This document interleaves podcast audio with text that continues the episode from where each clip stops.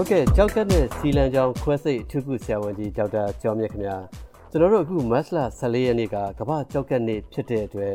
ကြောက်ကက်ဂျမိုင်းနဲ့ပတ်သက်ပြီးဆရာကြီးဒီကြောက်ကက်အားနည်းရခြင်းအကြောင်းရင်းပေါ့ဆရာနော်အဲ့ဒါတွေကိုကျွန်တော်အဓိကပြောချင်ပါတယ်ဆရာအဲ့ခါကျတော့ဒီကြောက်ကက်အားနည်းရခြင်းကဘာကြောင့်အဓိကဖြစ်ရလဲဆရာကျွန်တော်တို့ဒီကြောက်ကက်အားနည်းတဲ့ယောဂဆိုတာကတော့အဓိကကတော့ဒီကြောက်ကက်ကကောင်းကောင်းအလုံးမလုံးတော့တာ ကောင်းကောင်းအလုံးမလုံးတော့ဘူးဆိုတဲ့နေရာမှာ ချက်ချင်းလက်ငင်းဖြစ်သွားတဲ့ကြောက်ကအားနေတဲ့ယောဂရှိတယ်။နောက်တစ်မျိုးကတော့သူကနာတာရှိကြောက်ကအားနေတဲ့ယောဂပေါ့။အဲ့ဒီဥစ္စာတွေအားကြောင့်ဖြစ်ရတာလဲဆိုလို့ရှိရင် ခန္ဓာကိုယ်မှာ ဥပမာဖြင့်စီးကျိုယောဂခံရှိနေ၊သွေးတိုးယောဂခံရှိနေဒီလိုယောဂခံရှိတဲ့လူတွေဟာ နာတာရှည်မှာကြလို့ရှိရင် သူတို့ရဲ့ကြောက်ကဒီတစ်ချိန်ပြက်ပြီးလာပြီးတော့ကြောက်ကအားနေတဲ့ယောဂဖြစ်လာတာ ပေါ့ဒီပြင်တော့ တခြားယောဂတွေ ဥပမာလမ်းကြောင်းမှာကြောက်တယ် ကြောက်ကမှကြောက်တယ်ပြီးမှကြောက်တယ် အဲ့ဒီယောဂတွေကြောင့်လေ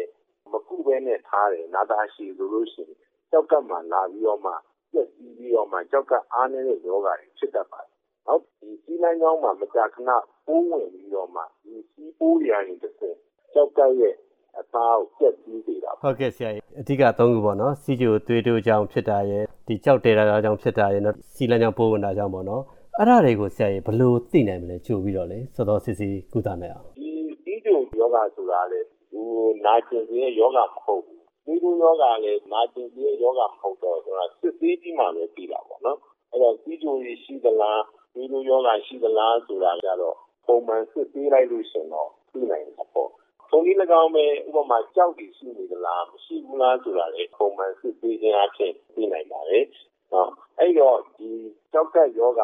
ရှိမှန်းဘယ်လိုလုပ်ပြီးမလဲပေါ့နော် ဒီကြောက်ကက်အားနည်းတဲ့ယောဂတွေ ဖြစ်လာပြီဆိုရင်ပြီးရဲ့လက္ခဏာတော့ အစပိုင်းမှာတော့ မသိပါဘူး။ဒါပေမဲ့တစ်ဖြည်းဖြည်း ဥပမာပြပြီးနေလာမယ် ခန္ဓာကိုယ်ရပေါ်ရောက်လာမယ်အဲခြေထောက်ကရောင်မယ် မျက်နှာပေါ်ရောက်မယ် ဒီကပူဆိုးလာလို့ရှိရင် မောကျလာမယ်အလွယ်တကူပင်ပန်းမယ်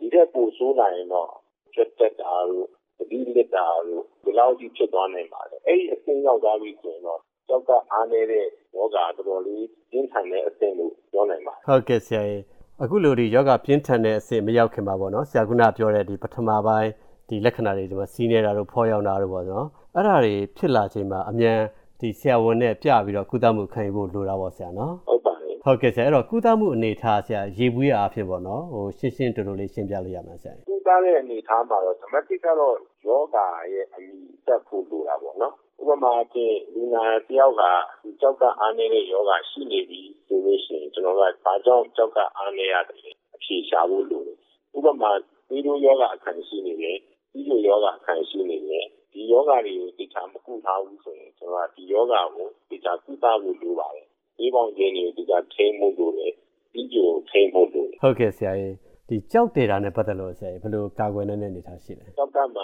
ကြောက်ရှိတယ်နောက်ကြောက်တယ်လေဒီလမ်းကြောင်းမှာကြောက်တယ်လေဒီပြင်မှာကြောက်ပြီးပိတ်နေဆိုရင်လေ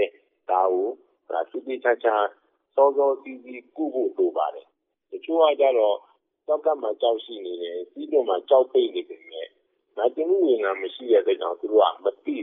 မသိတဲ့အတွက်ကြောင့်ဒီတိုင်းပဲနေတယ်။ရမယံခါခါနာတာမျိုးကြီးကြုံတတ်တယ်။အော်ယူယူခါနာတာပဲဆိုပြီးတိုက်ခဲတောက်သေးလေးတွေသူရေရှည်တောက်တယ်။အဲ့လိုတောက်လိုက်တဲ့အတွက်ကြောင့်ယာယီတော့တက်တာသွားမယ်။ဒါပေမဲ့အကိုက်ခဲပြောက်စီကိုနိုင်ကိုကလည်းကြောက်ကက်ကိုလာပြီးတော့ဒုက္ခပေးနိုင်တယ်။အဲ့လိုပဲစီလန်းချောင်းပိတ်နေတယ်စီးပြုံနေပိတ်နေပြီဆိုလို့ရှိရင်ကြောက်ကက်မှလည်းသွားပြီးတော့မှအန်ဒီဖြစ်စေနိုင်ပါတယ်။ဒါကြောင့်ဒီလက္ခဏာတွေသိပြီဆိုတာနဲ့စောစောစီးစီးကုဖို့လိုပါတယ်။ နောက်တစ်ခုကတော့ခဏပြောတဲ့ဒီစီးလန်းချောင်း ပိုးဝင်တာပေါ့။စီးလန်းချောင်း ပိုးမကြာခဏဝင်တဲ့ လူတွေပေါ့။အထူးသဖြင့်တော့ အမျိုးသမီးတွေပေါ့နော်။အမျိုးသမီးတွေက အမျိုးသားတွေထက် ပိုပြီးတော့စီးလန်းချောင်း ပိုးဝင်ဖို့ အခွင့်အလမ်းပိုများတယ်။ပိုများတဲ့အတွက်ကြောင့် သူတို့ မကြာခဏ အဲ့လိုစီးပိုးဝင်နေတဲ့ လူနာတွေကသေသေချာချာ ကုဖို့ လိုပါတယ်။သေသေချာချာ မကုဘူးဆိုလို့ရှိရင် ဒီပိုးတွေက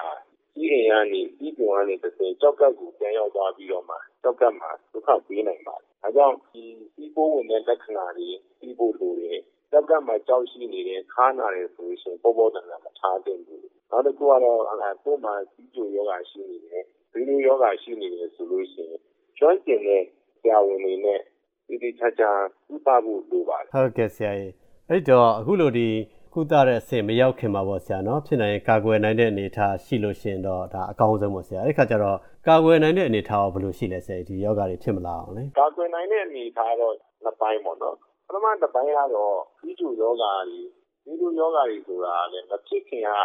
ကာကွယ်တယ်ဆိုတာကအဲကျွန်တော်တို့နေ့တူဝါပေါ့နော်အစားအသောက်တွေနေထိုင်သွားလာအဲ့ဒါတွေကစပါတ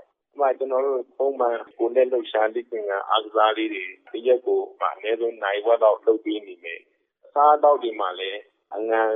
ရှော့သားမယ် အချိုးတွေရှော့ရမယ်အစီစိတ်တွေရှော့ရမယ် နောက်တစ်ခုကတော့ ရေပေါ့တောက်ရေကလည်းအဲရှင်းတဲ့တောက်ရေတွေ ဖြစ်ဖို့ လိုပါတယ် နောက် ကျမ်းမာတဲ့ လူတစ်ယောက်အနေနဲ့ ဆိုလို့ရှိရင် အနည်းဆုံး ရေဟာ2လီတာပေါ့နော်2000 cc လောက်တောက်ပေးတင်ပါလေ ဒါမှသာလျှင် ခန္ဓာကိုယ်မှာရှိနေတဲ့အသိပေါက်တွေကကြီးရနေတစ်ဆင့်ပေါ့ပြန်ပါသွားပါမယ် ဒါကကြောက်ကကောင်းတဲ့လူတွေ ပြောတာပေါ့ကြောက်ကမကောင်းဘူးဆိုရင်တော့ ရေကိုအများကြီးတောက်ကြမလို့ပဲနဲ့ဒီရက်ကို ရေဘယ်လောက်တောက်အောင်မယ်ဆိုရဲအတိုင်းအတာက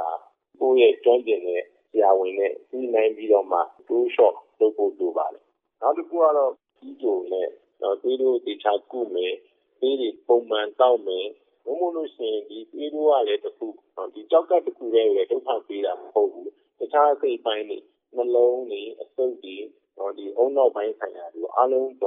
ဒုက္ခပေးနိုင်တဲ့ယောဂဖြစ်နေပါတယ် ဒါကြောင့် ကာကွယ်ခြင်းကတော့ အကောင်းဆုံးပါပဲ ဟုတ်ကဲ့ ကျေးဇူးအများကြီးတင်ပါတယ် ဆရာ